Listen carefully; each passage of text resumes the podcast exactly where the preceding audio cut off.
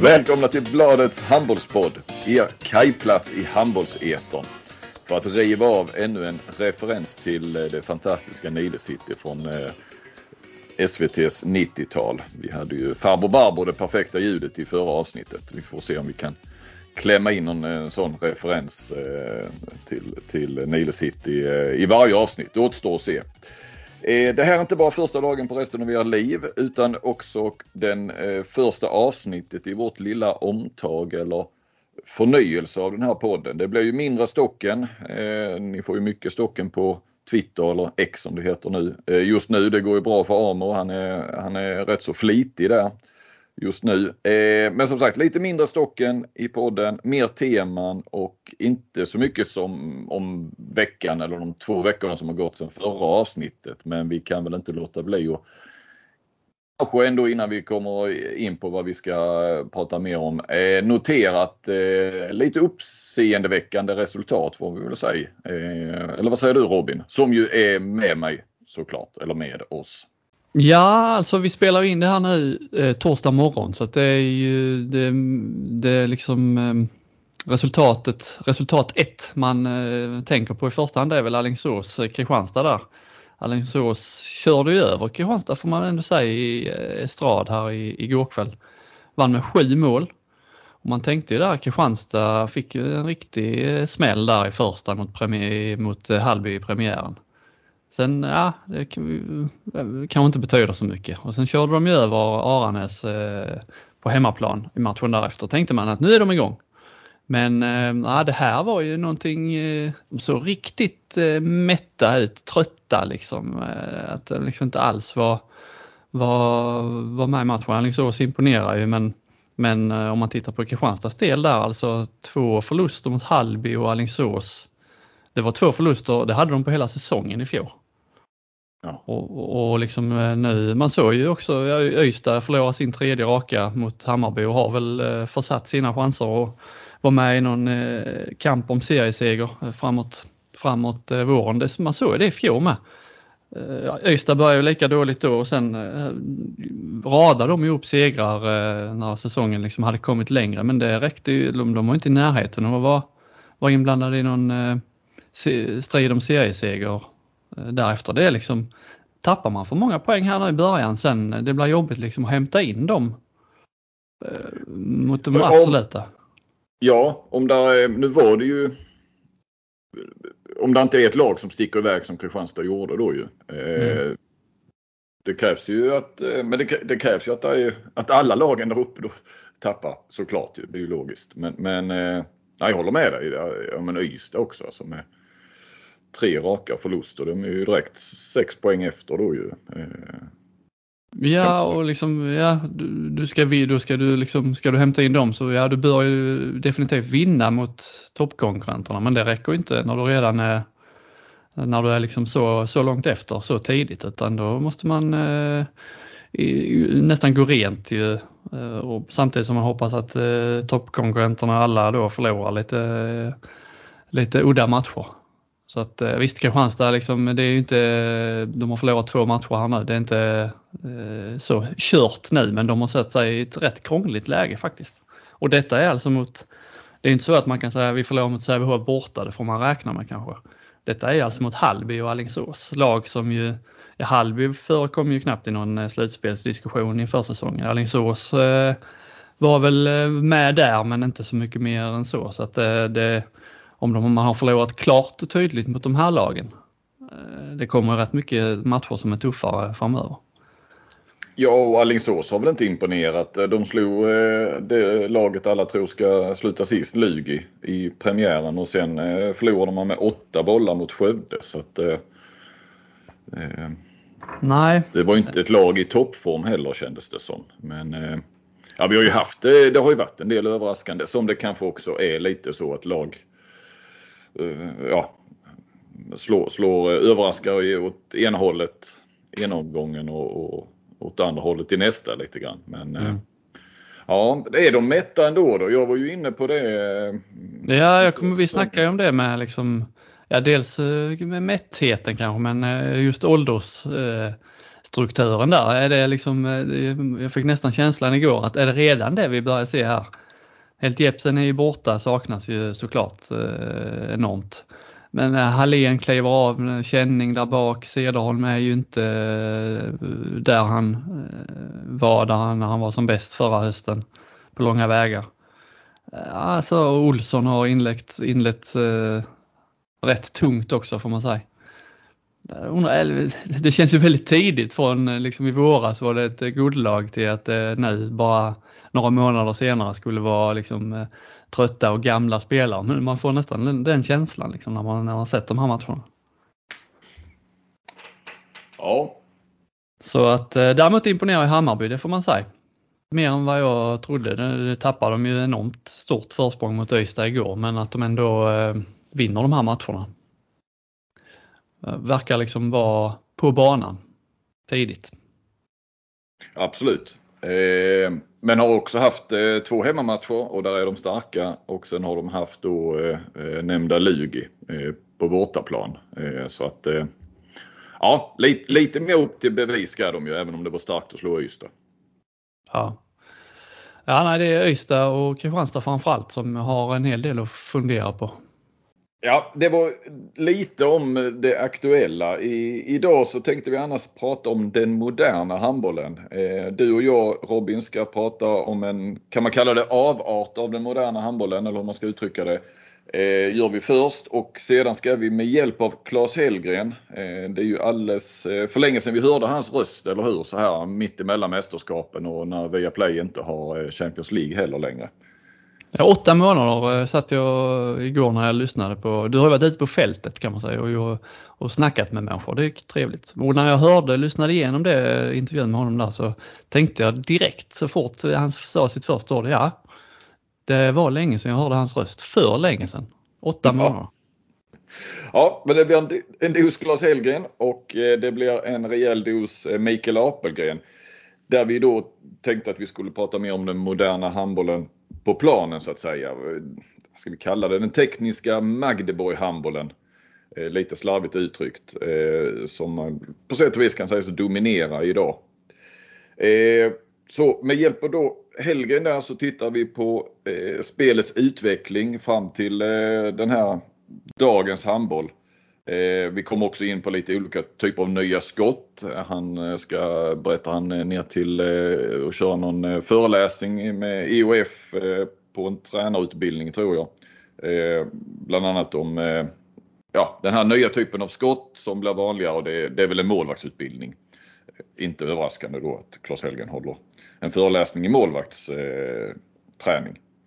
Eh, han kommer också prata om de här temporära monopolen, har ni kanske hört honom tidigare, eh, och en pendel som, som svänger fram och tillbaka. Sen Apelgren, eh, där tittar vi lite närmare på eh, då liksom Magdeburg-handbollen idag, hur han ser på den, hur och varför den dominerar, varför Sävehof spelar eh, den typen av handboll, eh, framtiden för den här handbollen, men också lite om hur han redan nu kanske börjat jobba lite med Pick som han tar över tillsammans med Jonas Kjellman och deras samarbete och hans drömvärvning dit då eh, nästa säsong.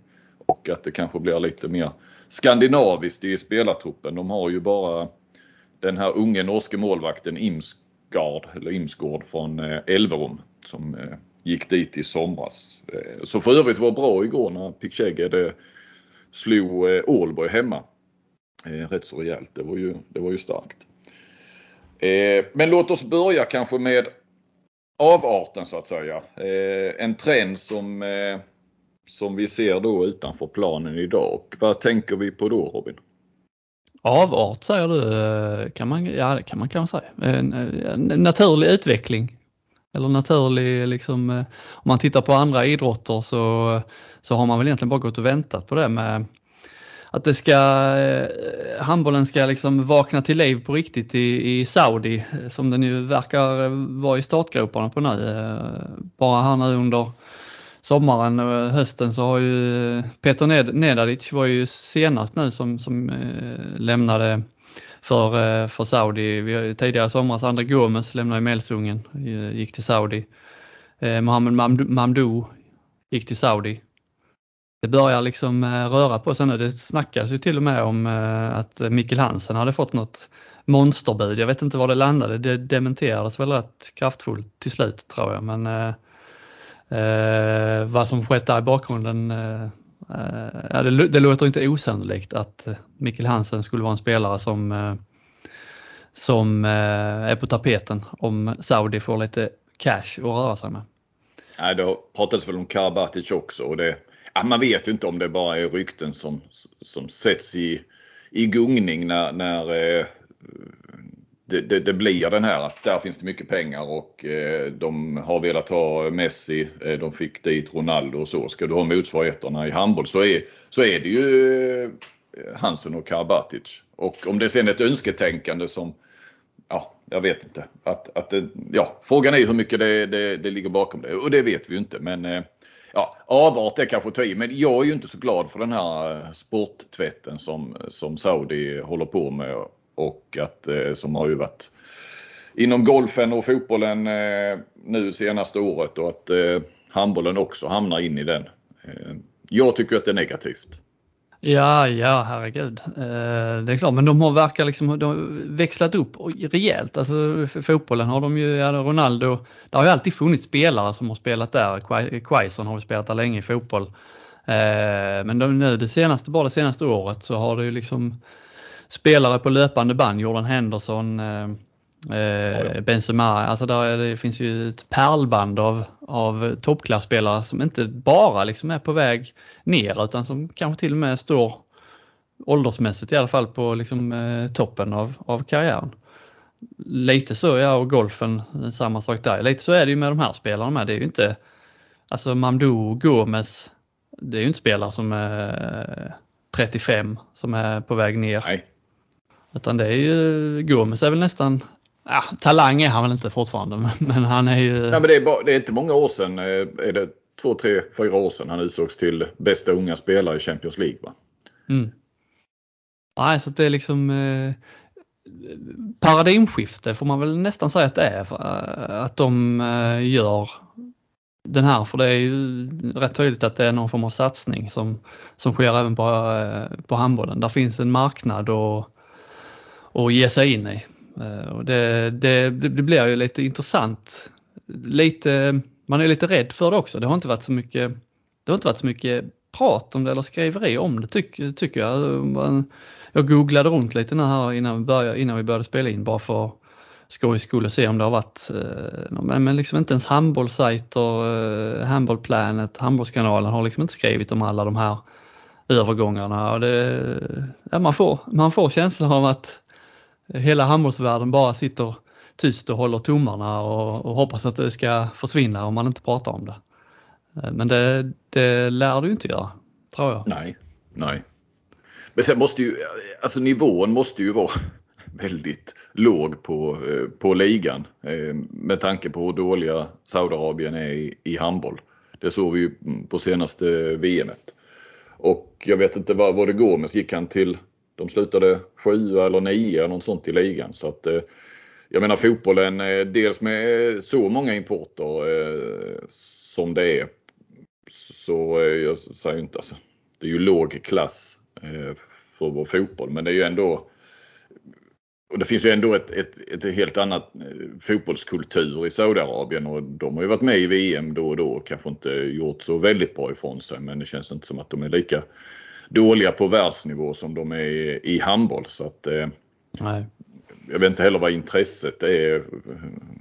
Är det några som är och tittar på, på eh, ligamatcherna i handboll? Jag läste lite kommentarer där om att i, i alla fall i delar av Saudi så skulle handbollen vara eh, sporten nummer ett.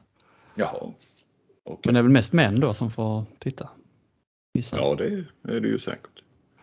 Man, man, man, har ju sett det tidigare liksom lite i även om det har varit en annan form av satsning med Qatar och så där att man köper dit och spelar men det är ju det är liksom det har varit landslagsfokus eh, i mångt och mycket där. Det här är ju mm. någonting annat och visst ligan är ju, är ju, jag har inte sett någon match därifrån men den är ju säkert usel nu men eh, vi är ju bara början av den här resan tror jag.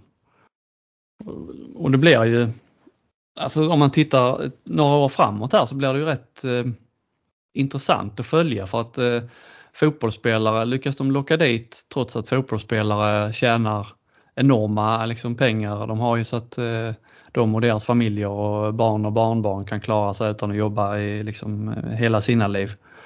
Eh, och ändå eh, lockas de dit av eh, tunga Ännu löner. större pengar. Ja. Ännu större pengar. Det är ju lite skillnad för handbollsspelarna där. Alltså de, de, det måste vara ett, om det är ett dilemma för fotbollsspelarna, vilket det ändå måste vara, eh, om man har någon slags kompass, så måste det vara eh, ett ännu större dilemma för handbollsspelarna. Jag menar, eh, även de bästa handbollsspelarna har ju inte, alltså om vi, visst Sagosen och Hansen och de här vad de hade i, i PSG och så, men om man tar det räcker att du tar ett litet, litet hack ner så har inte de de lönerna så att de har liksom till sig själva och hela sin familj och barn och barnbarn i resten av deras liv. Så stora pengar är det inte. Men om man, lock, alltså om man får ett eh, helt sinnessjukt bud av Saudi. Kan man stå emot det? Eh, ja, det? Om man bara tänker på sig själv, hade jag, hade jag, hade jag, eh, hade min moraliska kompass, ja jag vet inte. Nej, om den hade övertrumfat eh, om, den hade stått, om den hade stått emot sådana pengar. Det är möjligt att eh, den inte hade gjort det. Nej, men jag säger att du, du är proffs i Bundesliga och ligger på kanske 100 000 netto i månaden. Det är ju, det är ju en, jag menar, med svenska mått mätt och i, i det svenska samhället en, en mycket bra lön. Mm. Eh, om du inte är näringslivstopp eller sådär. Ja, vi behöver inte ge oss in i, i vad olika tjänar så ju. Och sen precis som du säger och så får du eh, kanske den tredubbla lönen. Det är kanske inte att du kan försörja din släkt i generationer men, men eh, och du behöver kanske jobba men, men du kan ändå, ja men som sagt, du tredubblar lönen kanske. Mm. Det, ja, det, det, det, det, måste vara lättare ändå att behålla sin moraliska kompass som fotbollsspelare där. Lättare man tycker det ju, men, men ja, man, man tycker. tycker det ju, men, men äh, verkligheten visar ju egentligen någonting annat. Mycket vill ha mer och det, det, det finns ju, det har man ju förstått som i, i, i fotbollsvärlden att, att i varje fall liksom inom de här stora klubbarna. Är du den största, och så är det ju ofta att du tjänar du bäst också, men, men den här att det är så viktigt att vara, de, de jämför ju sig sinsemellan, alltså inom laget. Det gäller att, att vara bäst betald. Mm. Eh, även om du har jätte, jättebra, alltså även om du har 5 miljoner i veckan. Är det då någon som har 5,5 miljoner och du betraktas som kanske den största, ja, då måste du ha 6 miljoner. Det är mm. så oerhört viktigt. Det är ju egentligen en, ja. det är en sjuk, eh, det är sjukt. Ja, det är en sjuk värld. Men tänker på mm. de här, sen eh, Nenadic, Gomes, Mamdou. Jag vet ju rätt lite om deras moraliska kompass, men det, det är ju spelare som när, man när jag tittar på namnen så tänker jag eh, rimligt att de går till Saudi. Mm, eh, mm. Så att vi, vi är ju tidigt här än. Va? Vi, behöver inte, vi behöver inte hissa vit flagg och ge upp mot sporttvätten riktigt än. Eh, det hade, jag hade blivit mer jag hade blivit mer förvånad om det hade stått eh... Albin Lagergren. ja, jag tänkte säga Gottfridsson, men Lagergren var bättre. Jag hade blivit väldigt förvånad om jag hade sett Albin Lagergrens namn där. Då hade, då hade det bara varit att vika in hovarna. Då hade Backa ihop. ihop. ja. Ja, jag, såg att, jag såg att de här, den här podden, eh, de som kör Handball Hour heter de va? Mm. När, när Gomes gick dit så, så skrev, hade de som rubrik And, André Moneybag Gomes eh, gör ett nytt, eh, eh, en, en, ny eh, övergång. Så man, då tänker man, ja, han har kanske lite, lite det ryktet liksom, Moneybag. Det är pengar först. Det ska glimras mycket med, med smycke och så. Om de upp uppgift om olika summor som stämmer så skulle ju då Gomes ha en, en grundlön på, på ungefär 7 miljoner kronor netto.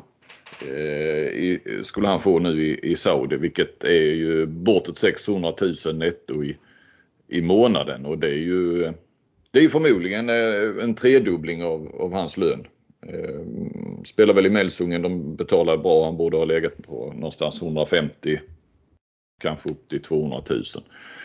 Jag hade ju den här löne, listan under VM för de svenska spelarna. En, eh, ja, det blir en uppskattning efter att ha pratat runt med väldigt mycket folk med, med insyn i vad, vad spelare tjänar i, i handbollsvärlden.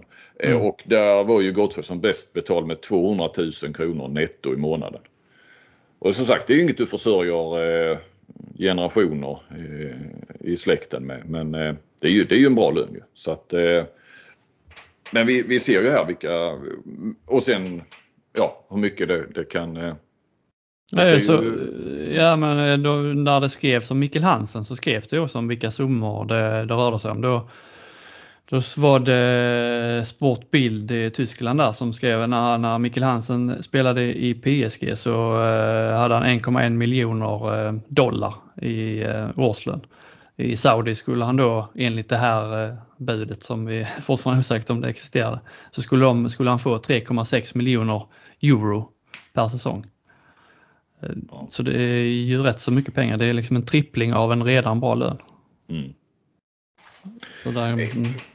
Ja, och, och, och, på tal om Saudi och handboll så äh, sägs det ju att de lär väl söka här nu äh, här-VM Ehm, 2029 eller 2031 som väl mm, som inte är bestämt var det ska gå till exempel. Så att eh, ja, det kommer nog bli en hel del Saudi i, i handbollsvärlden framöver. Det ska bli intressant att se om ehm, vilka mer som kommer att nappa på, på buden därifrån. För det är klart, ju fler som gör det desto lättare är det ju för, för andra att haka på och det blir ju mindre snack. Det är ju, någonstans är det ju de första som, som tar smällen så att säga.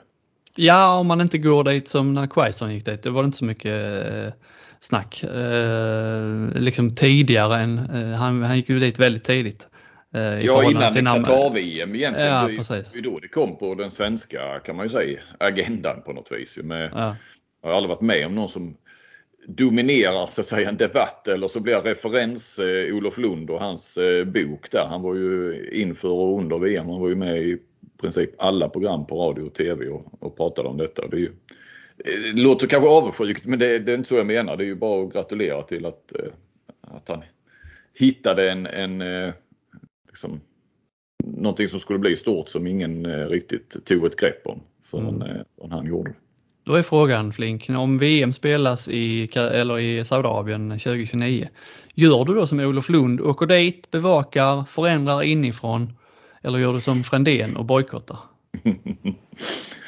eh, Var pekar din moraliska kompass? Eh, den pekar åt Lundhållet tror jag. Mm. Du, du ska dit och förändra inifrån? jag åker dit och förändrar inifrån. Ja, jag kanske inte ska garva åt det men eh, eh, Nej, vi kan göra det nu men ge det fem år till sen, mm. sen sitter mm. vi där med en tömd Bundesliga på stjärnor och, och de, de största namnen spelar i Saudi. Ja. Ja, Frågan är vilken svensk blir först? Eller har vi någon som har spelat där innan kanske? Nu sätter jag dig på pottkanten men... Det, nej, jo. Eh, Eh, det har vi faktiskt. Eh, Maximilian Jonsson, den här Ja just det, ja som du... Mm. Mm. Alltså han har varit där. Mm. Tränare ja. är, det, är det ju liksom gott om så. så tränar, tränar, men det är, det är också mer landslag. Det har varit eh, med Pytlik var ju där och sen mm. har ju Qatar haft, haft sina eh, spanjorer och så. Eh, men, eh, men just klubblag i ligan är ju det, det blir intressant. Lite skrämmande kanske att följa den. Ja. du kanske åker dit och, och tar ett grepp om den första svenska spelaren går dit och börjar, börjar ditt arbete med att förändra redan då. Kan, kan, kan bli så. Kan bli så. Vem är den första spelaren som kommer gå dit? Då? Är det, en, är det en spelare som är född alltså som spelar som är 25, 26, 27, 28 nu eller tror vi att eh, det är någon snarare som växer upp i det här och eh, kanske 17, 18? Nu. Jag tror ju att det blir någon som eh, vi, vi känner till idag så att säga. som är snarare 25, 26, 27 nu. Jag tror inte att det dröjer så länge förrän eh, vi har en svensk etablerad svensk i handbollsspelare som spelar i Saudiarabien.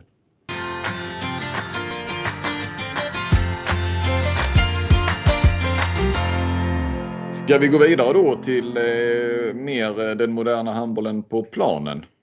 Mm. Det tycker Och en, en handboll eh, som vi gillar att titta på, eller hur? jag. Ja det gör vi ju, fast det, det, det är lite så här, nu börjar man tröttna lite. Mm. Nu vann eh, Magdeburg Champions League med sitt eh, fina spel. Nu har de börjat lite sämre denna säsongen. Kanske eh, är det här fina spelet. Nu vill man se skott. Nu vill man se power igen. Mm, mm. Eh, ja, men vi ska höra här eh, på, eh, till att börja med Claes Elgren som jag har gjort en, en intervju med. Som då eh, såklart, för det är ju Claes Elgren, eh, drar lite historien eh, bakom och han drar ju linjerna en bra bit bakåt i tiden till eh, slutet av 60-talet och början av 70-talet. Men eh, det blir en eh, intressant historisk odyssé. Så eh, vi börjar med den och han, eh, ja, han har ju också tankar om, om framtiden och så. Så att, eh, här kommer Claes Hellgren.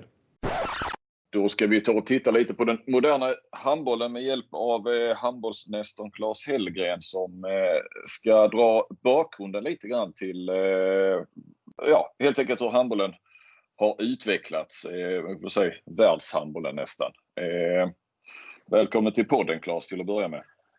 Stort tack! Eh, va, va, hur eh, förklarar vi eh, eh, vägen fram då? Var ska vi, eh, var, var vill du börja någonstans? Alltså man kan egentligen börja med, eh, om vi ska börja med det som jag eh, liksom själv kommer ihåg så var det ju att, att Rumänien kom ju fram eh, med att man revolutionerade lite det sättet som, som handbollen hade spelats innan. Det var ganska, ganska statiskt och, och eh, det fanns inte riktigt hoppskotten eh, som, eh, som senare kom. Och det skedde genom att man, man började spela ett växelspel då. Det var ju eh, Gruja och en kille som heter Gatsu som eh, började köra hoppskott och Gruja var den första. Alltså, det låter ju helt absurt när vi säger det, eller hur? Att Mm. hopp, hoppskott var inte vanligt liksom, men han gjorde det. Och när han gjorde det då så, så skedde ju liksom, eh, det blev ju ett problem för de andra lagen, för de hade ju legat ganska defensivt och, och egentligen inte brytt sig så mycket om att komma ut. Eh, och de, de var svåra att möta. Och då, då såg man också att det kom ju fram det här som, som du eh, känner till lite. Då kom ju juggarna fram med Vlad och Stenzel som började spela 3-2-1. Och då är vi framme på början på 70-talet och Rumänien, rumänerna börjar med växelspel och hoppskott och sånt på 60-talet Ja. eller slutet Ja. av 60-talet. Va? Ja, men, men det blev liksom mera allmänt liksom på 70-talets början där. Och då blev det ju på det viset att då spelade Jugoslavien då med den- Stenzel med 3-2-1, vilket gjorde det väldigt svårt för det här spelet. För de kom ju Mm. ofta in i mitten och, och, och det gjorde ju att det avtog lite Rumäniens eh, ska man säga, dominans där med att vara något nytt. Jag brukar kalla det temporära monopol, att man har något nytt. Men det fanns också en annat sätt att, att luckra upp där och det var i samma veva så kom Polen fram med att man istället spelar Magdeburgspel, om jag får säga så. Då. Man spelade väldigt mycket rullningsspel. Eh, och, och rullningsspelet var ju att man vann ytor och, och att man sen liksom jobbade på det. Men det blev ju jobbigt när man åkte på 3-2-1. Eh, Mm. Så att eh, det, det blev en del av spelet, men det blev inte en spel som, eh, som gjorde att man tog sig hela vägen, utan det blev ett av de här. Man hade ju rullningsspel, man hade övergångsspel och man hade växelspel liksom. Men, men det, det stoppades ganska tufft eh, att spela på det viset mot juggarnas 3-2-1, för det var jobbigt. Eh, Sovjet som då var spelare också, kom ju också fram ett motmedel mot det här skyttet. Man, man hade ju det, det kom ju lite senare på 70-talet också, den regeln till och med, men man hade jäkligt stora mittförsvarare som alltså spelade 6-0. Eh, fyra stycken liksom tvåmetare och det gjorde det svårt för de här att skjuta över. Så det var väl egentligen bara, bara Groja och kanske en som heter Stinga som kom lite senare som kunde skjuta sönder den här eh, typen av försvar. Men ofta var det så då också för Sovjets sätt att man hade då sitt eh, snea eh, 6-0 eller 5-1 då som gjorde att man styrde det bort från så att eh, högerniorna fick avsluta och de var ju ofta inte riktigt så bra som, eh, som eh, ja, vänsterniorna. Hur vanligt var det med, med, med vänsterhänta högernior på, på den tiden? Var det, Ja, Groja var ju det liksom och det fanns ju någon, men det var inte några, det var nästan alltid, stjärnorna var alltid vänsterniorna egentligen. Som, som, som, var riktigt, riktigt vassa då eh, på den tiden. Så, så på det sättet så gjorde ju Jugoslavien revolutionerade. Sovjet eh, såg till att det blev, blev väldigt stora spelare. Eh, men det, det som, som var ändå det, det, det var faktiskt väldigt intressant hur det såg ut. Och som vanligt så kommer det ju någonting som gör att man, man liksom blir bäst igen då. Och, och då blev det egentligen på det viset att Sveriges grej på det här var ju då, var inte, vår idé var ju inte egentligen att spela 3-2-1, men vi ville inte ha avslut i zonen mitt i. Så vi spelade med det som jag tror att eh, många av de tränare som nu känner ju till det var ju med med stötande treor och, och defensiva tvåor och få skott över det. Och på så sätt så skapar man ju då sämre utdelning med de som sköt mot och målvakterna blev ganska bra. Så, så stötande treor var ju egentligen en variant av ett offensivt försvar i mitten. Därmed Sverige nådde inga riktigt stora framgångar på det, en, ja, i alla fall i första fasen. Eh, det som, det som också skedde efter det här blev ju att på 80-talet så kom ju Spanien också och börja bli bra. Man var ju rätt så anonym nation under 70-talet, men där lyfter man ju upp tvåorna som är så otroligt populärt nu. Man spelar med höga mm. tvåor och defensiva treor, vilket blev ju egentligen eh, ett stort problem för många lag, för de hade svårt att klara det här. Liksom man styrdes in mot eh, ganska stora, bra täckande spelare, typ volleybolldelar. Det var ju faktiskt Spanien som, som gjorde det. Men, eh, När är vi framme i tiden då, Claes? Eh, ja, början av 80-talet. 80 fanns ett par, ett par lag där, Barcelona då, som inte spelar på det sättet, för de körde ju det som vi kommer att prata om om en stund.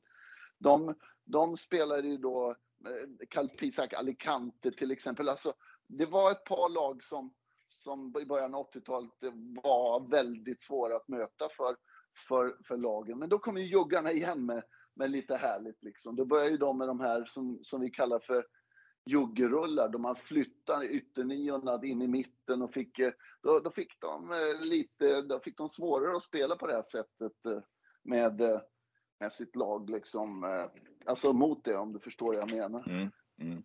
Så, så där, där var det ju intressant. Men i samma veva så kom också Barcelona in med att börja spela på sitt sätt som var att man hade det här 5-1 som inte bara var ett vanligt ferment utan det var ju också att ettornas arbete var, var, var, var rätt svårt att luckra upp där. Man fick stopp på dem. Och det ser vi ju fortfarande. Det är väldigt populärt.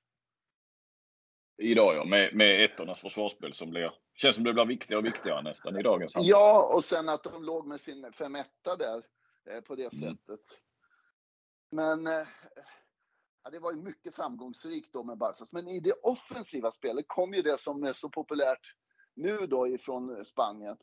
I, vid den tidpunkten så spelade jag i Spanien och det var ju väldigt stor skillnad mot vårt uppbyggda spel, mitt organisatoriska. Där var det ju en mot en, två mot två. Ställ dem där, jobba med det, flytta så att få spelarna. Och det spelar ju till exempel Magdeburg helt och hållet på liksom. Det är inget krångligt spel Magdeburg hade när de vann Champions League eller har, har vunnit serien i Tyskland några gånger där, eller en gång i alla fall. Och det var egentligen, eh, var egentligen Spaniens. Eh, men eh, det kom också en, en, annan del liksom då när de, när de kände att det här utgrupperade 3-2-1 blev lite för, för lätt att uppluckras genom att man då körde sina övergångar och man kom med kanterna, man kom med, med mittnian, ytternian. Då gick Kroatien in i, ett, eh, i det här 3-2-1, det här liksom Doniak-försvaret om man nu kan kalla det så. Du vet det här lite låga 3-2-1. Mm. Och det var ju... är, vi, är vi framme då på, är det, när Kroatien började bli bra igen i början på 2000-talet? Eller? Ja, lite tidigare kom ju. Eller där ja. Ja, de var ju bra, de vann ju OS-guld 96 mot Sverige i finalen. Ja, och det fanns ju där då.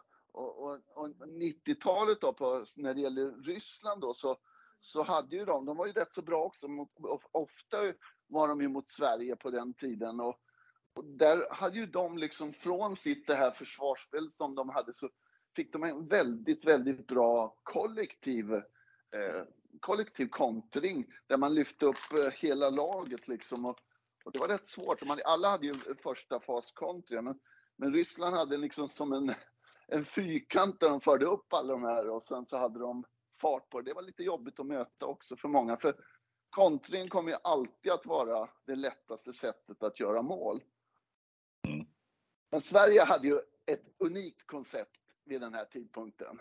Och det unika konceptet var ju att man, man behöll sitt, sitt försvarsspel. Men man eh, bestämde sig för att vi, vi måste bli jävligt bra på målvakterna. Vi måste bli ruskigt bra på kontra. Och eh, vi ska aldrig skjuta. Det, det låter ju absurt. Det vill säga att eh, man gjorde mål på 80% av kontringarna. Man gjorde målen 70% utifrån kanten och så om man nu får säga, ja, Carlén och de här inne på linjen, de gjorde ju mål på väldigt mycket. Och så ville man inte skjuta. Eh, utan man ville egentligen spela in eller ut eller kontra. Och det gav ju, var det 13 medaljer under 15 år. Mm, Eh, mm. Och, och det var ju helt, eh, alltså det tillsammans med, med att Frankrike kom fram också. I slutet av 80-talet så, så var Frankrike på väg, på gång. Det var ju han Konstantini som startade ett U-lag. Själv hade jag då U-landslaget i Sverige och, och mötte de här Richardson och dem och då började de spela 5-1 de med. Men med en ruskigt jobbig rackare där i, i Jackson Richardson och en, en riktig tuffing som låg bakom i Dinar. Eh, Mm. Och det var ju jobbigt för då hade de, du kommer ihåg de tvåorna då hur de körde sina breda fotställningar och gjorde det väldigt svårt. Mm, mm. Det var ju utmanande för, för Sverige tillsammans. Äh, ja, mot Ryssland var det också utmanande. Mycket, mycket intressant tycker jag liksom hur det blev. Eh, sen var ju anfallsspelet i, i Frankrike kanske inte alltid så där ruskigt eh, eh, ja, nyskapande, men deras försvarsspel var ju det. Och, och du kommer också ihåg Ciudad Real där man istället för, för Richardson hade, hade våran svenske Kjellman där. Det var ju helt eh, otroligt bra. Och Ciudad Real hade ju då Dinar som, som centerhalv och, och eh, man spelade, det var ju väldigt framgångsrikt där. Mm. Sen, sen så kom ju den totala revolutionen om man får säga det liksom. Det blev ju en regel. Du vet den här regeln där man jag kommer inte ihåg vilket år den kom liksom när, när man helt plötsligt kunde få, få köra direkt liksom. Ja, men det var Var kring det- millennieskiftet. Eh, Ja, och det var ju var Lemgo som startade det liksom. Och, eh, den här där det helt plötsligt gick från att göra 25 mål till att bli, bli 40 mål. Eh, mm. Och Ha- Ha- Hammarby och, och Lindesberg, det glömmer jag aldrig, det blev 52-43 i någon match eller något sånt där. Liksom. Det var ett ruskigt springande alltså. Och, det, det, det gjorde ju också att, eh, att det var något unikt. Men till slut Mm. så blir det ju också så när man springer så mycket så måste man ju hitta på om man kan stoppa det och då börjar man ju bli rätt så bra på att springa tillbaka så det behövdes lite mer än bara löpa. Där kom ju faktiskt Danmark hade ju också totalkontring men man var väldigt bra på, på att eh, ha, ha en taktik även om att kunna löpa tillbaks. Och vi såg ju också eh, tendenser till att Norge poppade upp där med sitt tillbakaspring. Mm. Men, eh, men eh, överhuvudtaget så, så började ju Danmark poppa upp i den här tidsepoken också efter Lemgo där, där, där man gjorde det här. Och Danmark hade ju kontringen men man hade också ett, ett väldigt intressant spel eh, i, i det offensiva spelet där man var farlig på varenda position. Eh, det tog ett tag innan man blev så bra så att man, ja till Jakobsen kan man säga, eller 2016 började det väl egentligen bli, bli eh, att man hade ett koncept som utmanade just bara att springa eller att man hade de här gamla. Där, där var Danmark lite ny, nyskapande och måste man ju säga. Helt enkelt, eh, helt enkelt eh, det är därför de vinner eh, nu då. De hade ju också den här kontringen plus att väldigt effektiva spelare. Och sen kom ju nästa utveckling för, för, för Danmark som kom i samband med att man fick de här Gidsel och Pytlik-typerna som har kommit de sis- sista åren. Mm. Vilket, är eh, extremt intressant tycker jag. Eh, Och eh, ja, du får fråga lite får se om jag kan ta det. Så mycket sådär. Man skriver ner och så tänker man. Men, men att för att vinna så, så, så måste man ha någonting som, som är unikt. Och i det här fallet, jag brukar kalla det för att man har temporära monopol och just nu så var det ju en period där, där eh, man tog eh, steget att, att ha det i samband med Magdeburgs sätt att spela. Eh, och faktiskt skedde ju det på damsidan också i samband med att man inte vann om man hade Niago-typerna liksom. Hur menar du nu sa du? Att... Ja, ja att det, det, det, var ju så att om vi tittar på, jag tittar på statistik från, som jag fick av Forsberg här då. Det var 11 riktiga 9 meters skott i hela EM i Slovenien mot Sverige som gjordes mål på. Mm. Under åtta matcher. Ja, det är inte mycket. Det betyder ju då att Jamina som var en bra spelare för när hon kom fram, eh, som är en attackspelare, helt plötsligt eh, tog sig från att vara väldigt bra till att vara bäst ibland. Liksom. Vjakerevas mm. sätt att, att attackera, Oftedal, Mörk, eh, Christiansen, eh, som, eh, som skapade den typen av spel som, som eh, det var, det, var, det var helt nytt eh, i det offensiva. Vilket gjorde att det går inte att, att rädda så många skott då heller. Så att då gick ju eh, procenten på, på målvakters räddningar egentligen från 40% till 30 kan man väl säga. Både på herr och damsidan när, när det blev den här typen av spel. För det hade man ju inte tränat på. Man tränar ju inte på det.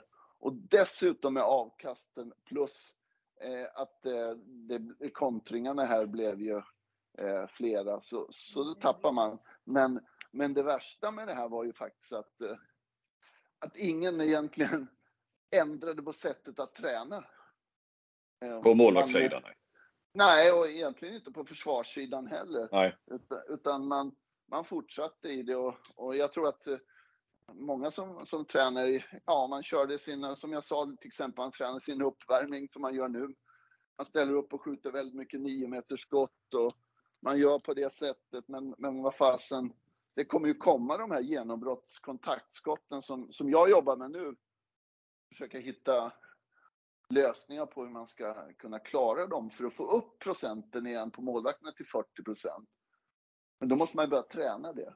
7 mot 6-spelet som, som gjorde många intressanta delar. Det blev ju, blev ju inlöpningen för målvakterna Men jag kräver ju att man måste kunna löpa snabbt för att hitta positionen. Hur ska man, eh, hur ska man eh, ta emot liksom det här med, med, att man är två stycken linjespelare och det, det var också nyskapande. Det var ju regel igen som gjorde att det mm. blev på det sättet som, som, eh, som det har blivit nu. Så där, där har vi, det är ju alltid väl någonting vi har slagit oss för bröstet i, i Sverige där med att vi har haft så bra samarbete, målvaktsförsvar, eh, täcka ena sidan och det där. Det, det, har vi inte så mycket nytta av egentligen längre. Alltså det är så skönt när du säger det, för jag kan ju säga så här, du kan nästan glömma det. Mm. Eh, om man tittar på det. Eh, egentligen är det, är det på det sättet att det som jag pratar om är istället mikroförflyttningar för målvakten och kanske om man om man får de här kontaktskotten, att man kan ta bort 20 centimeter på ena sidan utav, utav målet. Men att hitta positionen blir oerhört viktigt. Hur ska vi agera för, för försvararna? Vilket håll ska vi styra dem åt när de kör de här eh, kontaktskotten? Och det finns mm. egentligen två olika typer av kontaktskott.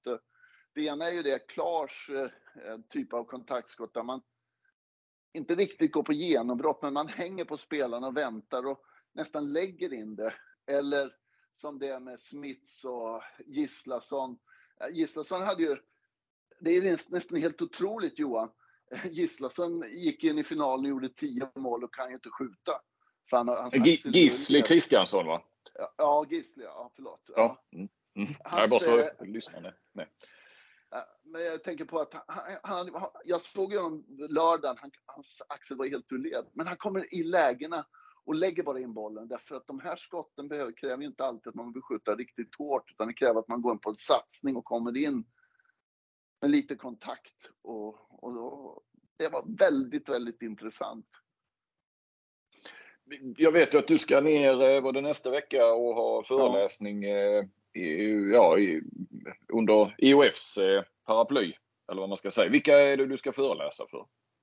Ja, det är en, en målvaktskurs är för man ska titta på just det som egentligen du tar upp. Vad, vad, vad kommer framtiden, eller vi tog upp nu då, framtidens målvaktsspel måste ju ändra sig annars kommer det ju vara 30% räddningar. Och då måste man ju träna på det här som är. Så jag försöker tänka ut hur ska det se ut. Den som har legat lite intressant i det här, hur man klarar av några av de här skotten. Och det, det är egentligen fyra olika grejer. Vill du höra det? Eller? Ja då. Ja då. Ja, ja. Det är ju då det är kontaktskotten. Eh, liksom, hur, ska, hur ska man agera på kontaktskotten? Eh, det andra är ju vad får regeln med att man får två minuter från kanten för, för, för utfall på om de vågar skjuta runt eh, huvudet. Eh, jag mm. tänker på det här i två minuter. Kommer det vara lika mycket? Det är väldigt mycket skott runt huvudet om man tittar på det. Och ehm, eh, sen är det sju mot sex. Hur ska man hinna in och hitta positionen? Eh, och man måste ju träna på att vara snabb in för att vara rätt där. Mm. Och eh, sen är det naturligtvis de här mittsexskotten som sker en utveckling på nu. Om du tittar på hur det såg ut för ja, den gängse sättet att rädda skotten där är 1-2 samla, kicka vänster eller höger på mittsex. Men eh, nu är det ju också att man kan ligga defensivt som, eh, som eh, några målvakter gör. Plus att det kommer tillbaks attackmöjligheterna. Att man eh, kan attackera, för då har de glömt bort det, mittsexorna. Så att eh, där får man titta på hur ska man eh, ja, implementera det. Det är väl lite av de teman som jag ska försöka försöka få ja, en liten lösning på. Sen så får alla andra kloka liksom se hur går man vidare. Men någonting måste man göra om man vill lyfta målvaktsspelet i alla fall och försvarsspelet. Så handbollsutvecklingen drivs rätt mycket av regelförändringar kan man ju säga. Till, till viss del i varje fall. Ja, så, eh, alltså den här avkasten, det var ju, då kunde man ju fira att man gjort mål när jag började. Mm. Ja. Ligga kvar i målgården och fira att man gjort mål. Liksom. För de fick inte ska... börja förrän alla eh, från motståndarna var över på egen planhalva. Nej, nej man... exakt. Men, mm. men, en annan rolig grej om man tittar på det, om man tittar på hur Sovjet eller Rysslands, Ryssland är det om man går så, 9 metersspelare på damsidan såg ut eh, bara för 12-13 år sedan. Och hur eh, Viakereva, Oftedal, jag menar Roberts ser ut mm. nu så är det ju det är en jätteförändring. Om vi tittar på mm. mittsexorna i, i herrhandbollen, eh, Fabregas, det är ju en, ett monsterfin fysik liksom. Mm. Det går ju inte att ha, eh, det går inte att spela på, på det sättet som just nu är det som utmanar. Eh, som utmanar, hör du mig eller? Ja då. Som utmanar i det läget eh, Magdeburgs sätt, det är ju Barcelonas sätt att spela springa ännu mera. Ännu fortare. Ja. Eh, och eh, där, det, det, blir ju till slut att det, går, det, det, blir ju, man går ner 10 kilo och blir lite kortare. Mm. Just nu. Men det kommer ändra sig Johan. Det kommer ändra sig igen tillbaks. Ja, om vi tittar framåt då, för det känns ju som det är lite grann en eh, regeländringarna påverkar, men också en pendel som slår lite fram och tillbaka. Det vet du också brukar prata om. Eh, det, är alltid, det är ju svårt att säga om hur, hur, hur saker och ting ska utvecklas, men vad, vad tror du då? Eh, till slut så går det så snabbt det går och då kommer det att Ja, då, reaktion. Har tendensen har ju varit då att, att istället för att ligga i mega högt tempo hela tiden så lurar man folk genom tempoväxlingar. Och om, om vi går tillbaks lite till historien så kommer vi ihåg väldigt väl eh, hur Balic spelade, en av mina absoluta favoritspelare genom tiderna. Där man istället gick ner i tempo och gjorde enorm tempoväxling. Mm. Vilket, vilket, vilket kan bli det. Men då kommer det också kunna finnas behovet av att det finns några som, som klarar av att, att skjuta också. Så att eh, Ja, det ska bli intressant. Jag tror ändå att, att eh, det kommer inte fortsätta bara gå att springa fortare. Däremot så kommer man bli oerhört mycket bättre om vi går och tittar på andra sporter. Hur man springer tillbaks i defensiva löpningar mm. mot kontringar till exempel. Är mer organiserat än förut. Det, det tror jag. Mm. Eh, vi är ju många som eh, gillar Magdeborgs eh, typ av handboll och rent titta på. Vad, vad tyck, vad, vad, är, du, är du en av dem eller vad tycker du om det? Ja, alltså det har ju varit men den är på väg att bli lite jobbig för dem. För att mm. man tittar ju på hur stoppar vi det? Vilket håll vill vi ha Gisli där på, på styrd? Eh, hur vill vi ha honom? Eh, vill vi, vågar vi låta honom komma? Hur tar vi emot honom? Det, som, den, det spelet som de gör nu, eh, om man ligger med lite, lite tvåor då kanske man kommer flytta ner dem lite, men annars så öppnar ju det också upp för, för, för lite mera eh, skott från, från kanten också. Men, men jag tror att det kan bli så att försvararna kommer bli så skickliga så att eh, det kommer att utvecklas eh, mot att man får, får hitta lite skytte igen. Har du koll på vad, vad alltså det är ju Benno Wigert där i, i Magdeborg som är, är ju tränaren och så. Vad, hur har de utvecklat och varför har de gått denna vägen? Har du någon koll på det? Smarason, eh, Omar Magnusson, Kristiansson och den underbara Damgård. De passar ju för det här spelet att de har värvat utifrån en spelidé kanske? Ja, kanske, men framförallt är det ju en, en, en väldigt enkel spelidé. Den, den bygger ju på den här en mot en, två mot två, skapa yta för som, som Spanien körde väldigt mycket, eller deras grundtes liksom, om du kommer ihåg alla de här, här eh, skickliga spelarna som låg och, och på halvdistans och bara körde ja, under de sista, ja, om vi går tillbaka 10-15 år så var det ju det helt av hållet, deras sätt att spela. Eh, men eh, de hittar ju den här spelartyperna som klarar det. Eh, och, ja, nu har de ju tagit in två, två svenskar som passar väldigt bra i det, med Klar och, och Lagergren till exempel. Ja, men alla gånger Johan, när det kommer så här så kommer det smarta tränare som, som hittar motmedel mot det här och då måste utvecklingen ta ett nytt steg. Jag tycker det är hela fascinationen med, med vår sport och liksom, nu kommer någon klok att titta, hur gör vi nu med det här då? Eh, kan, kommer det räcka med att man bara går på genombrott? Då, då kommer ju också en regel igen, Johan, får man säga så? Mm. Den här regeln med att man kanske inte ska få ta det här antal steget som i alla fall jag ser väldigt ofta. Det är väldigt många steg. Om vi tittar då på Pytlik och Gidsel, om vi tar dem som exempel, eller för den delen allihopa, så ligger de ju på gränsen hela tiden till att, att ta för många steg. Det beror mm. på hur, hur, det kommer att bli där, för de har ett litet behov av det där extra steget för att lyckas i, i den här speltypen. Så en regelskärpning där ja, med gällande stegen, som rätt många efterlyser, för det blir väldigt svårt att försvara, så, så kan ju det, det kanske kan bromsa den här Magdeborg-handbollen. Mm, sen finns det en, en, annan intressant faktor. Du och jag pratar ju om, om de stora dragen här. Och du vet ju eftersom som känner varandra lite så kan man ju säga liksom att det kommer ju också kunna utvecklas nya skott. Och då kan mm. man ju mm. fråga sig, vad eh, görs idag eh, utav de här alla, eh, alla tränarna nu som, som kan alla de här sex starterna som verkar vara science på hög nivå och hur man gör och allt det här.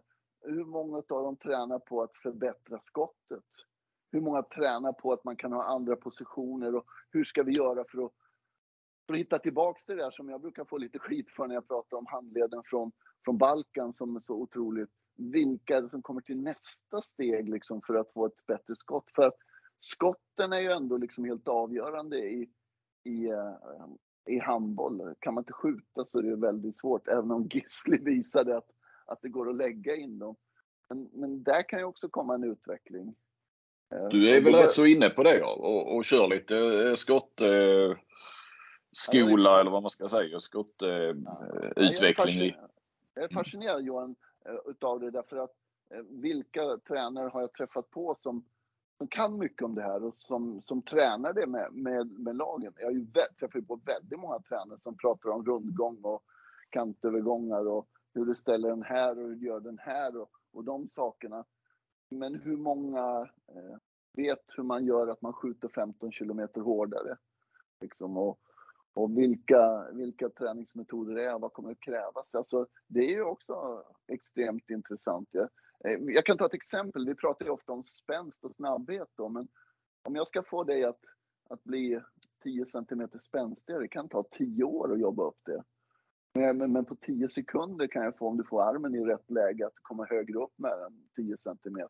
Om du förstår hur du kan skapa den tekniken. Det är ju rätt intressant eh, Eh, aspekt på hur man kan tänka. Så att eh, vi får se. Men vi, det, jag tror att man måste titta lite på det och då kan vi lära oss massor utav andra idrotter och massor utav eh, misstag och, och, framgångar kommer man göra när man försöker utveckla den delen. För till slut så blir det så. Det blir ju väldigt svårt att stoppa någon som har ett eh, ruskigt pisk och kan använda sig utav att att eh, göra det med kontakt, utan kontakt eller på det nya sätt som jag inte riktigt vet var vi hamnar. Men vi måste kunna skjuta bra i alla fall, det är jag säker på. Till sist Claes, eh, vad skulle du säga att eh, svenska herrlandslaget är någonstans i, vad ska vi säga, i, i förhållande till, om vi nu kallar det Magdeborg handbollen lite slarvigt, men, men den som är på sätt och vis är ganska dominerande nu. Var, finns, var hittar vi Sverige och herrlandslaget där? Ja, men Sverige valde ju ändå den här, eh, kan vi kalla det Barca-linjen, att man, att man måste kunna ställa om väldigt snabbt och att man, man ska orka löpa, vilket betyder att man, man gick in och tittade på testvärdena bara, om vi nu pratar för rent eh, konditionsmässigt. På, där låg man ju liksom 10 enheter lägre än vad man gjorde på, på, på min tid. Och nu har man ju lyft det så att så man ville ha tvåvägsspelare. Eh, och det som har gjort i sitt spel, det som man har när man har mött andra lag, har gjort om man om vi, om, får jag gå till målvakter igen då? Eh, det är ju så att Palicka var en bra målvakt eh, om, om man tittar tillbaka en 6-7 år sedan. Men idag är han ju en målvakt som på de stora mästerskapen har, har varit eh, hela vägen hela vägen upp liksom till att vara topp av alla. Men eh, Eh, det beror ju på att inte, de skotten är inte 9 meters skott som var när han kom fram. Så, så där har det ändrat sig och Sverige har ju då fått en, där har ju Sverige en, en viktig del att kunna hitta nya spelare igen eller nya målvakter som, som kan komma upp till den här nivån som, som Palicka och Appelgren och de här har haft. Eh, sen har man ju hybriden som jag älskar ju, det är Gottfridsson. Gottfridsson är ju egentligen en kontaktskjutare men också en, en, en väldigt skicklig spelare på många plan. Där har Sverige något unikt. Så vi se. Men, men visst är väl Sverige också eh, lite åt, åt åt Magdeborg-hållet. Alltså det här med bollsläpp ja, och, Lagerén och, så. och Klar, Klar är ju är helt fantastiskt. Alltså, alltså om man tittar på det. Men det kommer också behöva den här Gottfridsson och så har ju vi då Erik Johansson som, som kanske kan bli den här typen då som, som gör ungefär som det alltid har varit, att det kommer någon som bryter av med att man kan också klappa till med från det här då och få se. Men eh, jag, Sverige har en, en, god framtid tror jag och mm. eh, framförallt så, så tror jag också att damerna har det därför att eh, de har ju gjort på liknande sätt så att eh, vi har två väldigt, väldigt intressanta landslag framför ja, de här fem, sex åren som kom. Det är ju intressant och han, eh, alltså hur boken eller ändringarna i den, hur faktiskt mycket det påverkar handbollens utveckling och eh, hur eh, den här utvecklingen av den moderna handbollen har gynnat spelare som eh, Andreas Palicka och Jamina Roberts som, som han är inne på. Så man kan nästan se en rak, en röd tråd från regeländringar till eh, deras framgångar eh, de senaste åren. Mm, ja, det som är också kul faktiskt, eh, han var inne lite på det här med målvaktsspelet där. Alltså man, eh, träning och så, man ser uppvärmningen och man ser träningar. Eh, målvakterna står och tar emot skott från hoppande skyttar. Eh, det står bombas från 9 meter, 9 meter, 9 meter. Men på matcher är det ju mm, så som det ser ut nu, utvecklingen ser ut nu, så är det ju det är mindre och mindre, det är mer och mer 6 skott. Alltså att mål, just att målvakterna kanske ska träna på ett annat, det blir, att det blir en annan typ av, eh, av träning för målvakterna för att, att anpassa sig till det, till det spelet som är just nu. Det var ju en häpnadsväckande siffra där hur många niometersskott som Sverige fick emot sig, damerna i EM Mycket mål ja. ja. Ja, eller ja. Eh, ja. Eh, det var Hellgren. Vi går vidare med eh, Mikael Apelgren. Han har ni här. vad är den här moderna handbollen, eller sättet att spela handboll på, skulle du, om du fick beskriva det? Eh, först och främst vill jag ju säga att ingenting är ju svart eller vitt. Däremot så tror jag, som jag har uttryckt vid flera tillfällen, att jag tror att det kommer mer och mer belönas att vara en skicklig eh, handbollsspelare i den förstånd att man är duktig med bollen, duktig i val. Eh, och att det inte nödvändigtvis alla gånger behöver vara eh, att man har är störst utav alla. Utan man, att man blir duktigare i numerära överlägen skulle jag säga. Att man har en massa spelare som är duktiga på att slå ut andra och att man hela tiden jagar 4 mot 3, 3 mot 2 eh, situationer. Och eh, jag tror ju att där kan man alltid diskutera vad som är spelet eller inte, för det kommer nog vara ganska lika mellan alla lag. Men att de spelartyperna kommer belönas mer likt liksom, fotbollen har också gått dit i takt med att utvecklingen har blivit bättre. Jag är inte så säker på att Messi hade firat lika stora triumfer 1988 när gult kort var och liksom, man kunde ta ett gult kort och kapa någon bakifrån och bara mörda någon fullständigt. Så ser inte det ut idag och jag tror att sporten och ihop med att eh, domarna blir duktigare och duktigare eh, kommer att belöna dem som eh, gör det bra och det gör att försvararna, de här riktigt grisiga, köttiga försvaren så det är egentligen kanske det det handlar om mer också, att de grisiga, stora, köttiga försvaren, de får lite svårare att fuska nu för att eh, det syns så tydligt. Ehm, eh, hade du hellre varit, själv tänkte jag bara nu, hade du hellre varit spelare nu än eh, på, på din tid så att säga? För du var väl ändå en, en eh, ja, eh, lirare, en, en Nimet-spelare som... Ja, alltså en sak som känns lite tråkigt att man fick vara med på 7 mot 6-eran. Eh, mm. det hade ju varit sköj. men sen vet jag inte om det alltid hade lönat sig. För personligen var jag inte så snabb. Jag tror att snabba spelare kommer belönas väldigt mycket också. Så det tror jag är en viktigare kanske fysisk egenskap att också diskutera. För att klara av att ha stora spelare som är, är snabba Eh, Eh, det, det kommer bli extremt bra och om de i tillägg då är skickliga. Eh, nu rabblar jag upp allt man kan vara bra på men, men själva, själva just det där med snabbhet blir ju extremt bra när man inte får knuffa i sida och dra och slita ner någon lite halvfuskigt. Eh, då blir ju de som är, liksom, har spelstiden alla Lukas Sandell till exempel lite mer belönade. Eh man får ju lov att du har liksom, så att säga, satsat på den här typen av handboll i Sävehof med, med de spelare du har eller som ni har värvat in. Eh, kommer du, du ska ta över Pick till nästa säsong. Kommer du att fortsätta på det spåret? Det är inte omöjligt att man kommer liksom att närma sig det spåret lite grann. Sen ska sägas att när vi har satsat på det vi har gjort i Sävehof så är det också de spelarna vi har fått fram. Vi har, vi har i dagens trupp eh, 75% egna produkter och spelar mycket med dem som vi, vi har utvecklat och fostrat själva i våran klubb. Och där, där finns det många och i våran klubb så finns det en väldigt stor kultur av minihandboll och det här liret. Eh, och då är det klart att vi väljer det spelsättet lite mer. Jag tror ju att som tränare gäller det att inte vara för fyrkantig i att det ska finnas en sanning eller något som är rätt eller fel. Utan det gäller ju att försöka maxa den, den truppen man får tillgång till. Eh, så att det är inte omöjligt att jag kommer försöka pusha för att värva spelskickliga spelare till Shagged, Men jag tror också att eh, det blir viktigt att eh, man hittar metoder för att göra de spelare man har så, så bra som möjligt. Vad är vi idag, om du skulle titta på världshandbollen, alltså har den här handbollen är det den som dominerar nu skulle du säga? Eller, och ibland pratar man om pendel som slår fram och tillbaka med, med, med trender eh, och så. Vi kanske inte kommer få tillbaka de sovjetiska jättarna och skyttarna från 80-talet igen. Men eh, vad skulle du säga att, att, eh, att vi är idag? Det är alltid svårt att definiera och säga exakt. Och det, det är klart att det blir en sak i media, att liksom, man vill förstärka saker och sådär. Men jag tror att min känsla är att just nu i världshandbollen så är man duktigare på att spela till sig numerära överlägen. Eh, och det gör ju ofta eh, skickligare spelare mot en, eller skickligare spelare, eh, bollskickligare spelare. Eh, och så handlar det om att välja rätt i de lägena. Och där är det ju en jäkla bra egenskap att ha ett fint, eh, riktigt bra skott också.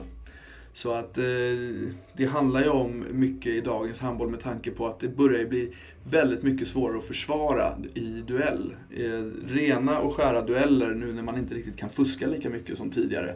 Och i tillägg som är en diskussion då som har varit mycket i världshandbollen det sista att eh, det många gånger är lite lurigt med stegen. Att man ibland ligger på eh, till och med 4-5 steg ibland. Gör ju att det handlar väldigt mycket om att försvaren då går in och hjälper och stänger och så är man numerärt överläge någonstans. Och det, jag tycker att världshandbollen går mot det, att de som är skickliga på att få bollen vidare där och välja rätt i de situationerna, det är de spelarna som belönas mest och eh, många gånger är de som är med och hjälper sina klubbar att skapa bäst resultat. Går det att kombinera de här två, om vi nu, nu jag, fattar, jag målar upp det som svart och vitt och ytterligheter och så här. Men går det att kombinera det i, i ett och samma lag? Att man nästan skulle kunna ha, ja, beroende på vilka spelare man byter in då, så fattar jag att drömmen är ju att ha, en, eh, ha tre stycken IMIT-spelare, om vi nu bara pratar IMIT-spelare, som, som är så kompletta så de har allt det där. Eh, men, men det är det ju väldigt få som eh, har eller ens kan kanske värva in så. Kan det bli så? Att, att man har två olika uppställningar och spelar två typer? Eller? Ja, men jag tror, jag tror inte det är omöjligt. Jag förstår vad du vill komma åt. Jag tror inte att det som sagt kommer vara så svart Man har två olika huvudtränare då också? ja, precis. En, en som eh, gillar liret och en som gillar kött, köttandet. Nej, men om jag, jag tycker Magdeburg är ett jäkligt bra exempel som de är Champions League-mästarna. Det är jätteofta de istället för att gå till 7 mot 6 så slänger de in Mikael Damgård. Han ser inte ut som en ryss. Men han skjuter ju varje anfall då. Mm. Och han skjuter ju typ mål varje gång han skjuter. Men rent, om du tittar på det rent taktiskt eh, så är det många gånger helt hjärndött. Fast det är inte hjärndött att göra mål. Eh, men han bombar in den liksom. Eh, så att många gånger tycker jag att Magdeburg det kan vara så att eh, han spelar inte på hela matchen, så kommer han in i minut 47 och så bara gör han sex mål direkt. För varje gång, och alla lag vet, han kommer skjuta. Eh, och så gör han det och så har de ett till vapen de kan använda för att Eh, Eh, ändra en matchrytm, eh, likt man kan ändra till 5-1 eller 7-6. Så jag tror ju att eh, där ligger ju Magdeburg väldigt fint till, att de kan liksom ändra det här spelskickliga till okej, okay, nu gör vi bara ett litet platsbyte här och så skjuter han och så håller vi tummen att den går in. Och han har en extrem spets med just det skottet. Så att det är inte omöjligt att det kommer vara en, en grej som vi tränare kommer hålla på med. Vilka har tagit den, den eller om vi går tillbaka till, vem, vem uppfann den här spelskickliga handbollen? Jag tror, jag tror ingen har uppfunnit Nej. den, utan jag tror att det har blivit en följd av att domarna har blivit bättre. Det var ett jäkla gnäll ett tag om att man knappt fick nudda utsida två som försvarare. Men det har ju lett till att man slutar stå och knuffa folk utsida två. Utan att man flyttar benen och så eh, kommer i helt andra situationer. Så jag tror att på grund av bättre dömning så får vi se skickligare handbollsspelare idag.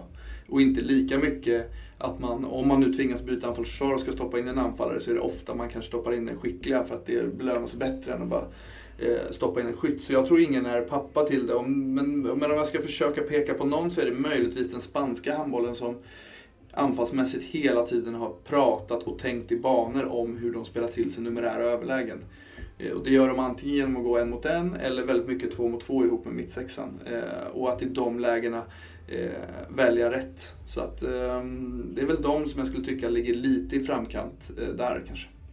Är det någon speciell i den spanska tränarskolan, tränarkadern som, eh, som var först med det där eller? Eh, ja, eh, alltså de är ju stöpta väldigt mycket i samma form hela det där gänget. Eh, jag tycker väl att Eh, Raúl González i PSG har väldigt mycket intressanta eh, tankar och har haft det länge. Eh, gjorde det väldigt bra med Vardar och är väldigt spännande i det nu att han eh, är lite föregångare i att börja använda Steins i ett så stort världslag som de är eh, och få så bra betalt på att man har en spelare som är så snabb och slår ut spelare och ger de här andra spelarna bredvid som har sina superkrafter. Innan hade de Kristopan som är typ störst i världen eh, och på vänstern så hade de en Prandi som skjuter stenhårt och får han de här tre mot två situationerna så bara skjuter han. Eh, så att eh, det tycker jag kan vara en intressant sak att nämna. Vilka har du inspirerats av eller har du varit runt på studiebesök hos andra tränare och lag eller så?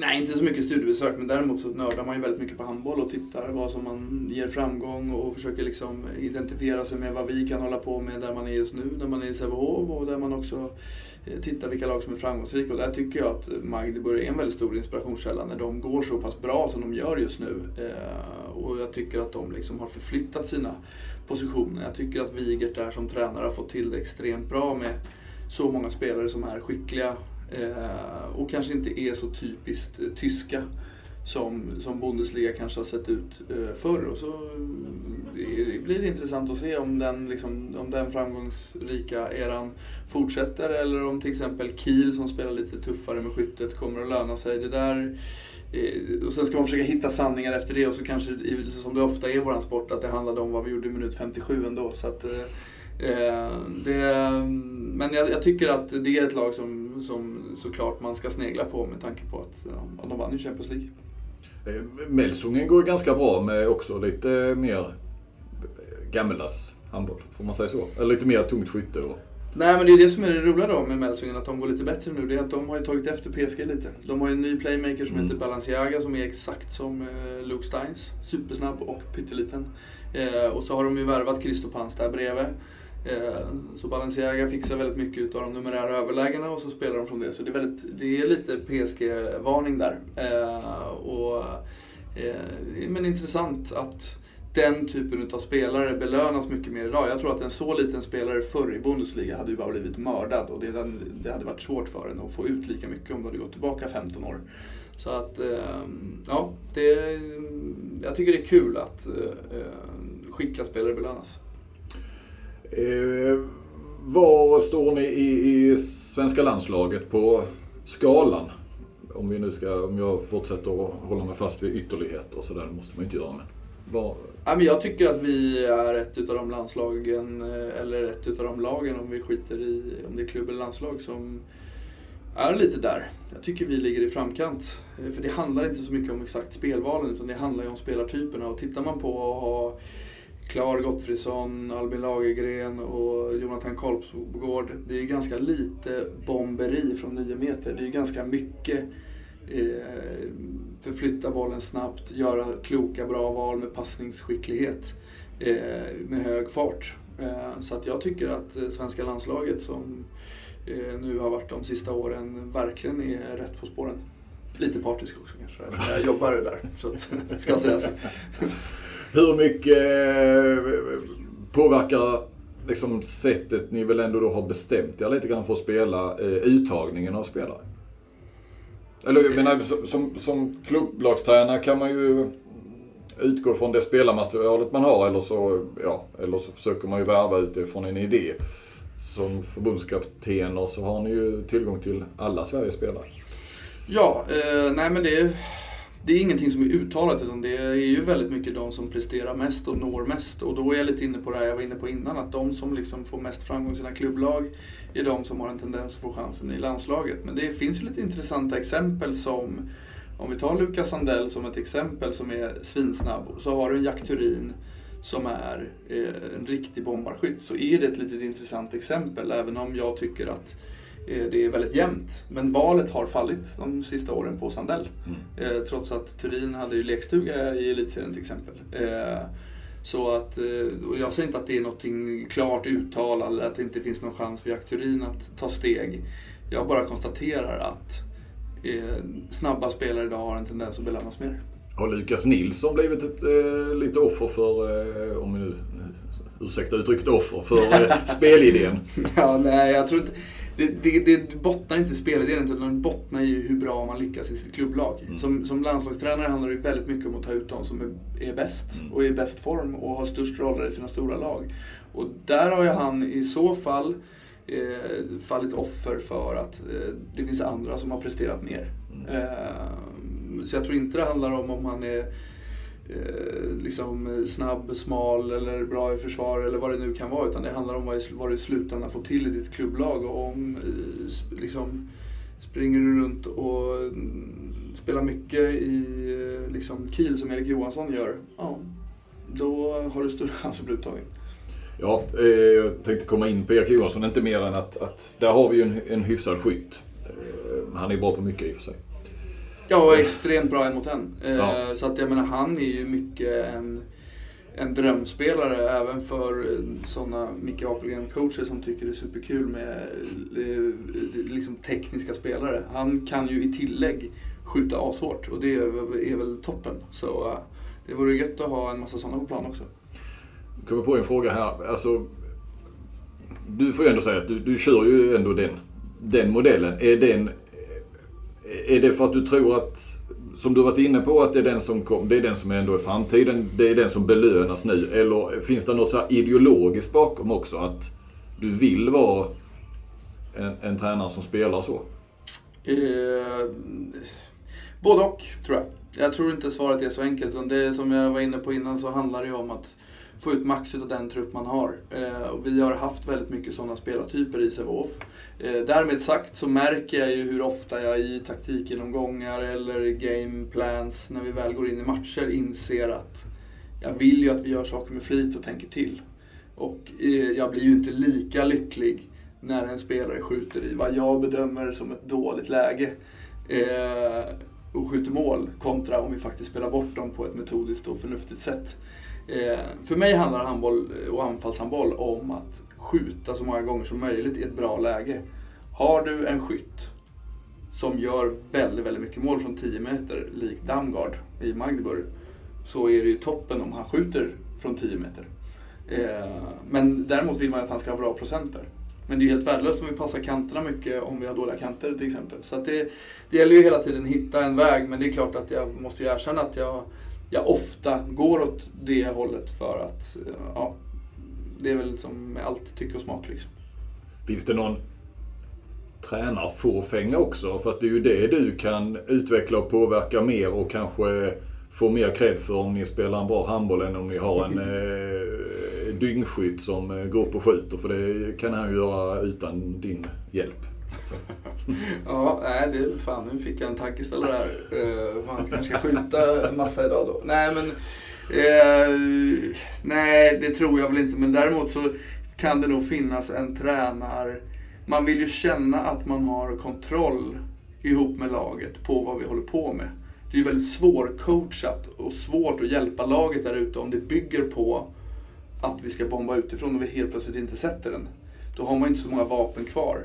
Har man däremot en massa tankar och idéer om hur vi vill göra om vi möter olika problem, då kommer jag lättare kunna hjälpa laget från bänken. Eh, så det är nog snarare det som gör att man hela tiden går åt det hållet att man vill ha konstruktiva lösningar. Eh, för att liksom kunna känna att man kan, kan hjälpa till eh, från bänken tror jag. Vi sitter här i Ystad Arena och om en timme ska ni möta eh, Ystad, Ystads IF i eh, ligapremiären eh, med Sävehof. Men, men samtidigt så vet vi att du ska till Pick nästa säsong. Hur, hur mycket är du inblandad i planeringen inför nästa säsong där? Du ska ju vara tillsammans med Jonas Kjellman. Parallellt då med detta uppdraget och du är assisterande förbundskapten också. Ja, men det är väl ganska så lite. Eh, jag är väl ganska tydlig på um, vilka spelare som jag önskar eller vilka spelare som jag tycker är bra. Eh, jag är, eh, är med och liksom bollar eh, om det kommer frågor. Eh, Men eh, det är inte riktigt mitt arbete förrän man väl är, är där. Och som du är inne på så har jag lite andra uppdrag eh, innan. Så att eh, eh, lite grann och om frågorna kommer så är det klart att vi snackar med varandra eh, och bollar lite. Men det är inte så att, eh, alltså jag är ju bara tränare. Jag är inte, jag är inte något mer än så. så att, eh, det, men det är klart att jag hoppas att vi får så bra lag som möjligt nästa år i Tjeckien. Men är Kjellman mer inblandad? Han har inget annat jobb vad jag vet och, och snackar ungerska och kan klubben utan och innan efter sju år var han väl där. Ja, nej, vi håller på och bollar tillsammans och snackar liksom. Men är det han som mer har kontakten med klubben? Eller det har du lika mycket? Eh, nej, det har vi nog lika mycket. Vi håller på båda två. Eh, och, eh, liksom, och så snackar jag och Jonas tillsammans också. Och snackar lite om eh, förra matchen och vad vi tyckte och tänkte och om vi såg någon spelare någon annanstans. Och, det är också inte alltid så konstruktivt utan det är lite bara så som vi handbollsnördar är kan vi bolla mellan varandra och sen så vad det slutar upp med behöver inte alltid vara ett eh, värsta jobbsamtalet utan det är mer ett bollande för att ja, känna av var vi är någonstans i, i våra tankar. Liksom.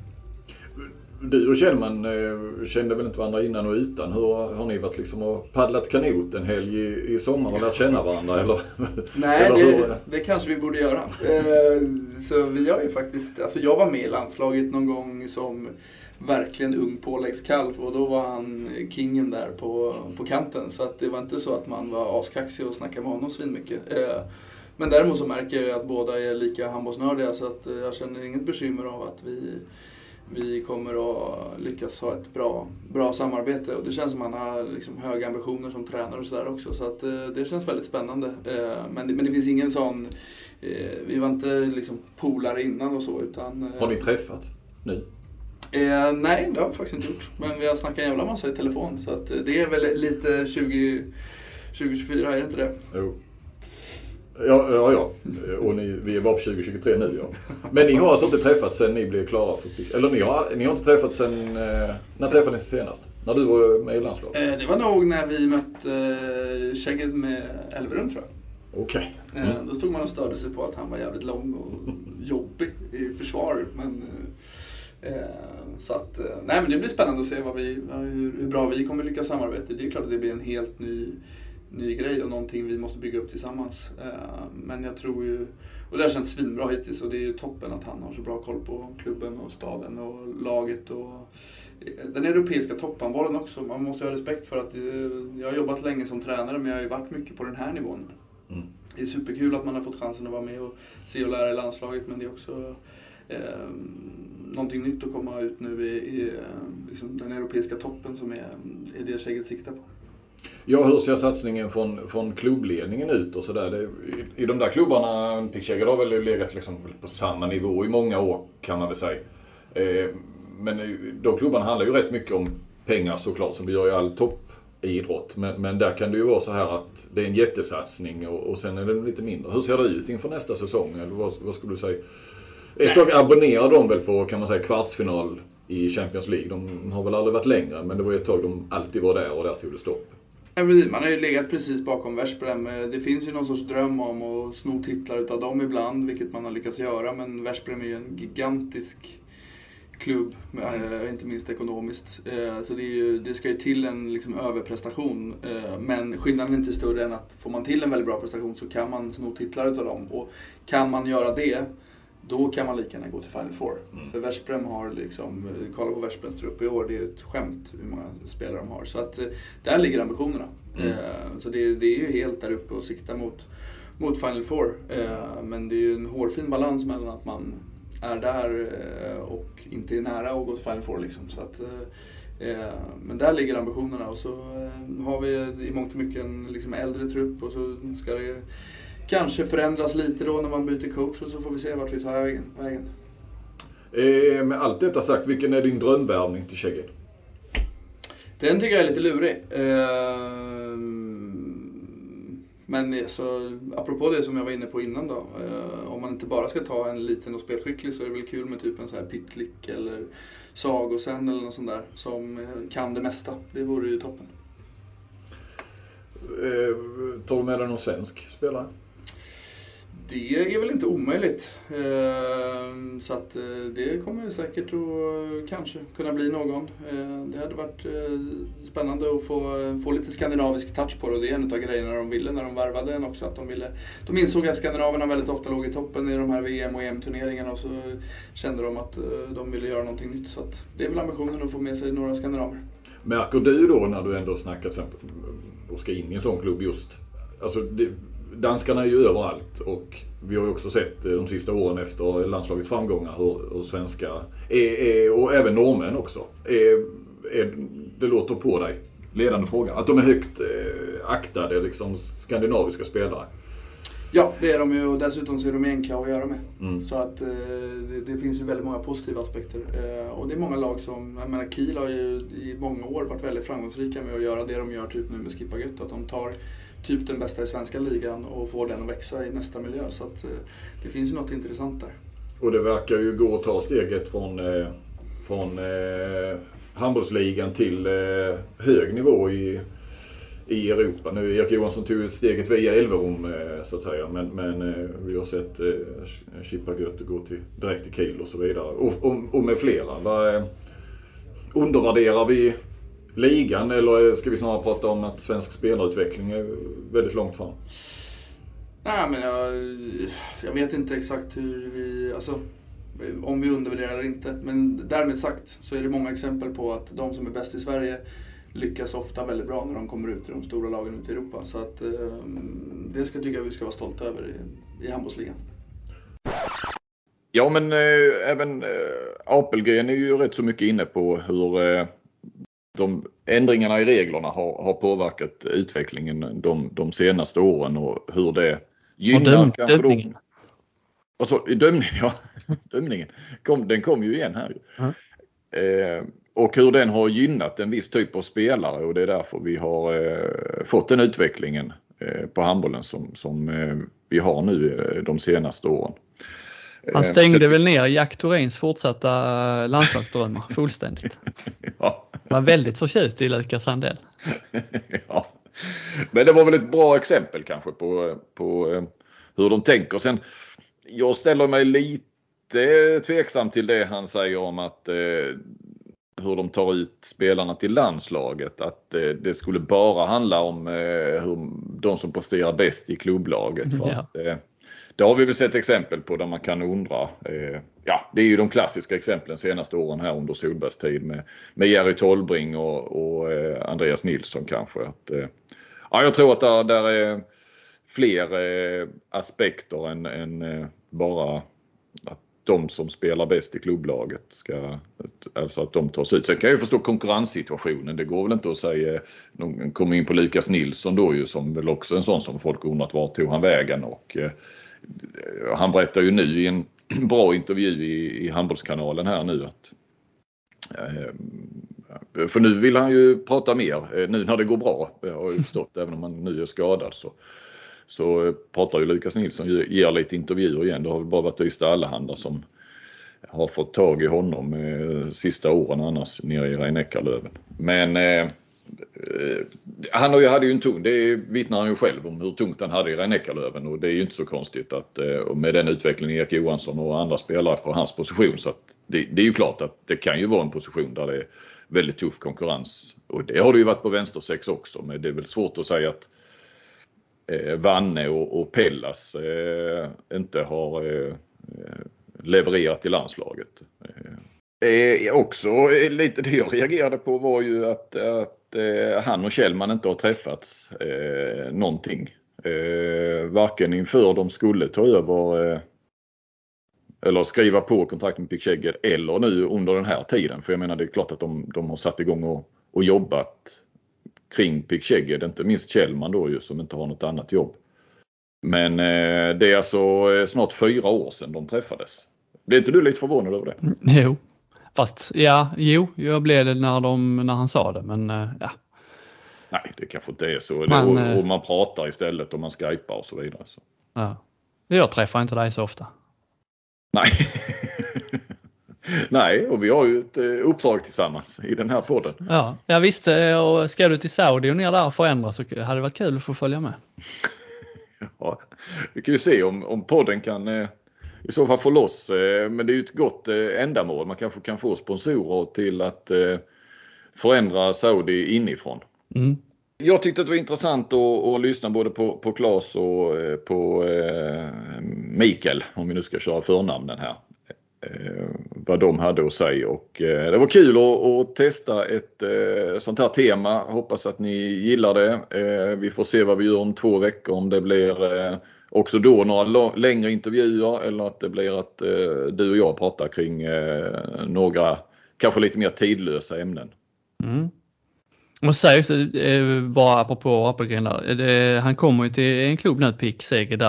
Han säger ju att eh, det kanske ja, mer skandinaviskt och så, eh, att det kommer bli det. Eh, men samtidigt att han liksom, eh, han anpassar sig, han spelar på ett sätt med Sävehof nu men det är inte säkert att han kommer att spela på samma sätt med Pick Seged.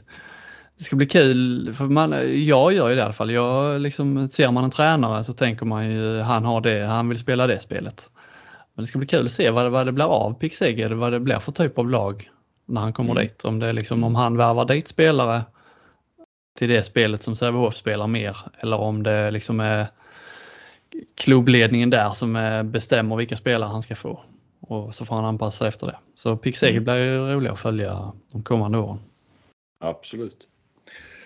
Ja, och så eh, noterar du att vi fick in lite också din älskade regelbok. Eller jag, eh, med hjälp av Hellgren och Apelgren. Ja, ja med sidoknuffarna där ja. ja men jag tyckte de nämnde det rätt lite det här med kant. Eh, sidoknuffarna var ju liksom eh, talk of the town re- regelmässigt för tre, fyra, fem år sedan kanske. Men eh, nu är det mer kant, att liksom det är total, totalt förbud mot att ens nudda kantspelarna. Mm. Vilket ju har sl- slagit över ibland tycker jag när det liksom är. Eh, kan mer kantspelare som eh, aktivt och frivilligt hoppar in i försvarsspelare. Det och det leder ju, det har väl redan lett, eh, lett till det, men det fortsätter att leda till att man, man vill ha ännu mer kantläge såklart för att man får eh, dubbla chanser. Gynnar de här med bollsläpp och så vidare. Och rulla ut bollen snabbt och ja, det... Spänst, Det- skårteknik. Mm, mm. Så, Ja. är, så är det med allt Flink. Det är domarna som styr handbollens utveckling.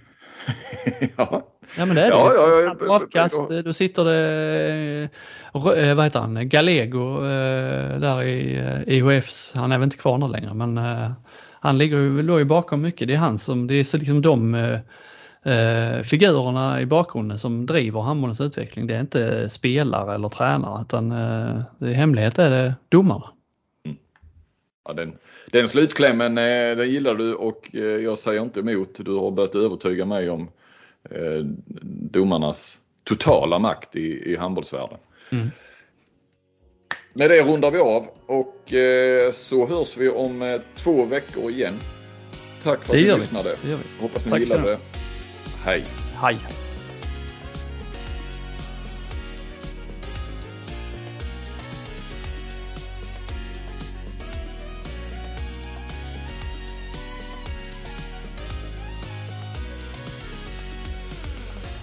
Du har lyssnat på en podcast från Aftonbladet.